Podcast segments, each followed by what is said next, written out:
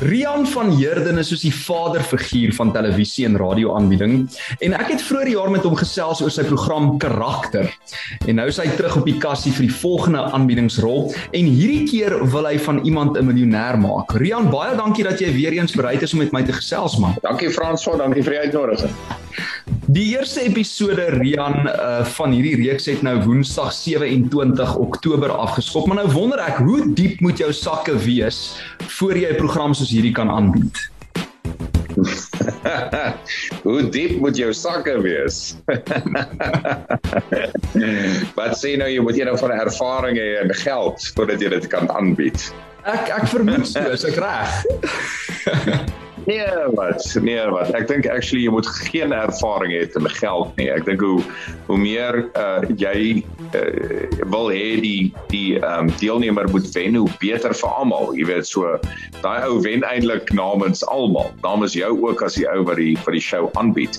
So ek dink 'n uh, um, 'n ou wat 'n multimiljonêr is, gaan sukkel om so 'n program aan te bied. So ek weet nie hoe uh ehm um, jy weet hulle dit daar doen in Engeland nie. Ek ek ek is nogal impressed met dat hulle daai multimiljonêers nog kan saamspeel en dit laat interessant lyk. So, ja, ek ek dink ek dink dit dit sal nie teen jou werk as jou sakke te diep is.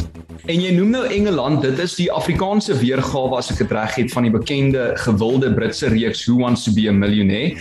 En as Afrikaanse aanbieder dan hiervan Rian, hoe berei 'n mens voor vir wie word 'n miljonair? So die formaat is presies dieselfde. Ehm um, en dit het sedertdien ek dink die laaste paar jare wat het dit effens verander soos baie minder formeel en ernstig as wat dit was van tevore. Dit het baie akademies gevoel, amper soos 'n professor wat jou ondervra.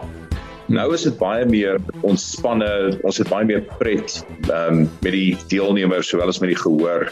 Uh jy weet ons kan ons maak baie meer grappies tussenin. So die die formaat ehm um, bly dieselfde, maar het het 'n bietjie ontspanne geraak. Baie meer, nie bietjie nie, baie meer ontspanne geraak en uh, ek dink dit dit maak dit vir my lekker om te doen. So dis letterlik soos ehm um, jy en hierdie interessante persoon gaan sit en julle julle probeer by 'n miljoen rand uitkom.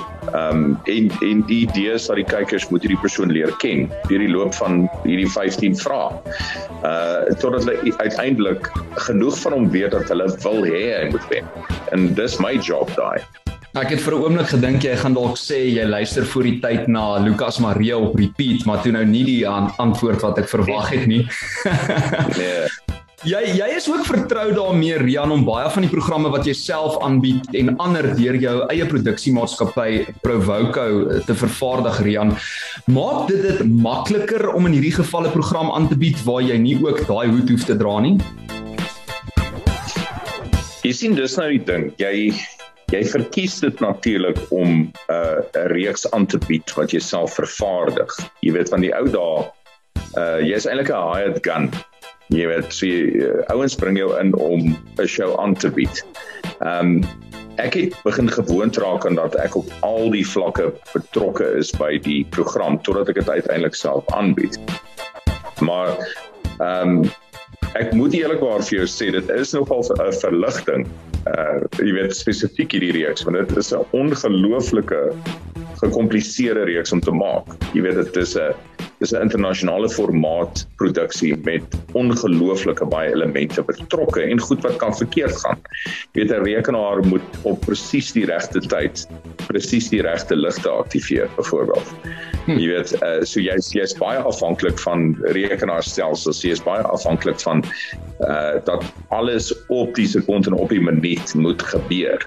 En ehm um, jy weet vir my wat nog altyd gesukkel het met administrasie, jy weet dis dis lekker dat iemand anders daai aspek daarvan hanteer en kan verantwoordelikheid vat vir wanneer presies die knoppie gedruk moet word. Maar jy kan jouself nou voorstel wat gebeur nou en en dit gebeur nê met met Eskom uh weet ons nie hoe, hoe dinge gaan uitspeel nie. So nou as kom ons sê die ligte gaan af uh tydens load shedding in die middel van 'n vraag. So die vraag is nou pas gevra. Nou wat nou? So it's it's out. So die ou het nou nog nie geantwoord nie en as hy sê dis my finale antwoord dan word dit nou ingeslot in die rekenaar in en die rekenaar aktiveer dan die volgende stap. Maar totdat dit gebeur, kan daai ou nêrens heen gaan nie. hy moet nou daar sit totdat ons nou die hele rekenaar moet nou weer uh opge opboot verstaan jy alles jy moet nou jy moet nou seker maak al die tegniese aspekte word weer aan voldoen. So seker tipe van goed wat dit wat dit ongelooflik uh gekompliseerd maak. En jy moet natuurlik ook omdat daar soveel betrokke is soveel geld betrokke is ehm um, is dit belangrik die heeltyd dat uh, die persoon mag nie sekere goed doen nie ek mag nie sekere goed doen nie. Jy weet dis mense moet baie versigtig wees want as veral as jy die antwoord het Jy weet, jy nou moet jy altyd vir jouself sê moenie vir my klou gee nie, moenie vir my klou gee nie. Jy weet, uh, moenie moenie jy moet 'n strak gesigsuitdrukking probeer hou nou. Laat hy nie iets lees in jou oë nie. En jy wil ook nie hy op sy moet gou-gou skelm Google as daai ligte afgaan nie. So ek kan dink dis nogal 'n proses. Maar Marian, jy is uh, nou nie betrokke noodwendig by jou eie wardrobe nie, maar ek het op 'n radio insetsel wat jy ge, gedoen het, het ek gehoor jy sê jy het nog nooit so goed gelyk in jou lewe nie, want hulle maak vir jou hierdie hierdie snyerspakkies wat jy dra. Ja ja. So kyk ons het die beste ehm um, stilus in die industrie betrokke.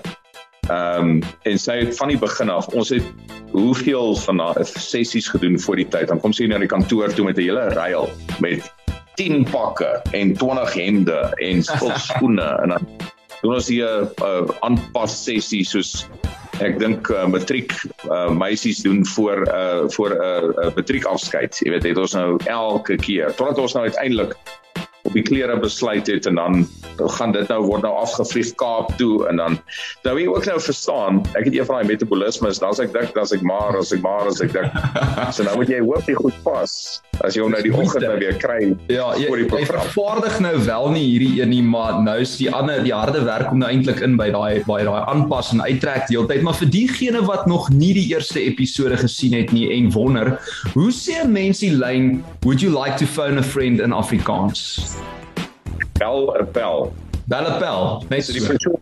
Ja. Ehm uh, so ek sal vir die persoon sê daar's drie hulplyne. Jy weet oor na die gehoor.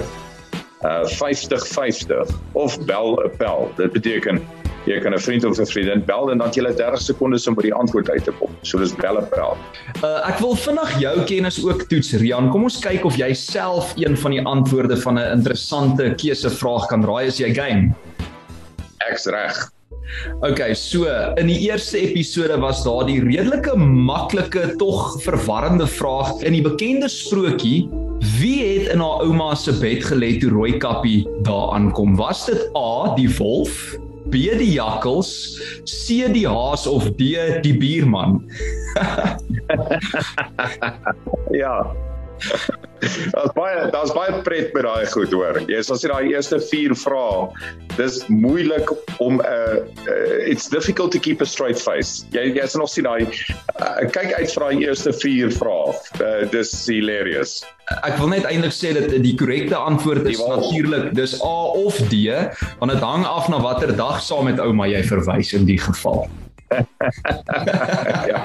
As dit as dit sonoggend is, as dit definitief bier man. Ja, absoluut. Rian, jy jy's ook 'n kat liefhebber vir die mense wat dalk nou nog nie weet nie en jy praat gereeld van Max. So sê net gou-gou eers vir my, hoe gaan dit met hom want ek het vir jou 'n katterige vraag. Ja, ehm um, was dit 'n interessante fase met Max want ek het die verkeerde foto van Max op uh, ons sosiale media gelaai by die by uh, die uh, die radio show. En toe mense nou skielik begin besluit die daar's iets fout met Max. Met Max moet by 'n veearts uitkom. Toe ek hom in elk geval gevat veearts toe. Wat natuurlik toe baie gelukkig was met Max se toestand, maar daai dit was 'n verskriklike ding. Ek het ons moes dit later afhaal die foto van sosiale media af, maar ek kan net vir almal bevestig, dit gaan uitstekend met Max. Ek het hom vanoggend gesien en hy lewe definitief nog. En daarom het ek gedink juis om af te sluit met iets skatterig. Uh dis baie in die lyn van die speletjies program wat jy nou aanbied. So die enigste verskil hier is jy kan nou nie 'n miljoen wen hier Jan, jy kan ons respek wen. Is jy gereed vir my volgende vraag, laaste vraag? Ek okay. sit hier en wag. So wanneer dit nou by katte se smaak kom, wat maak hulle uniek in vergelyking met ander soogdiere? Praat jy dan van sy sy smaak in eienaars of sy smaak in eetes? In die smaak in eienaars. Ja, die smaak in eetes in hierdie geval. Hulle hou daarvan om presies dieselfde ding elke dag te vreet. So ek gaan maar gaan met dit. Halwe punt daar. Ek sou ek sou vir jou halwe punt gee want het jy geweet daar word geglo dat katte die enigste soogdiere is wat nie soet kan smaak nie. Hulle kan oh. hulle kan nie hulle kan nie ja, soet proe nie. Dis nogal interessant.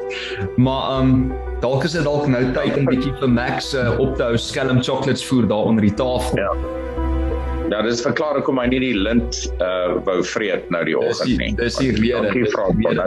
Ek dink dit ek. Nou nou weet ek as dit was chocolates. Maar dit goeie smaak in, in eienaars ook in in hierdie geval. Rian, dankie dat jy altyd 'n sport is. Baie baie geluk met nog 'n ongelooflike aanbiedingsrol en ek dink ek dink regtig nie hulle kon uh, iemand beter gekies het om wie word 'n miljonair aan te bied nie. Ons is mal daaroor om jou dop te hou op die kassie Woensdae aande op Kyknet kanaal 144 en ons sien ook uit na dit wat jy volgende aanpak. Ja, dankie vir die chat Frans, was altyd lekker.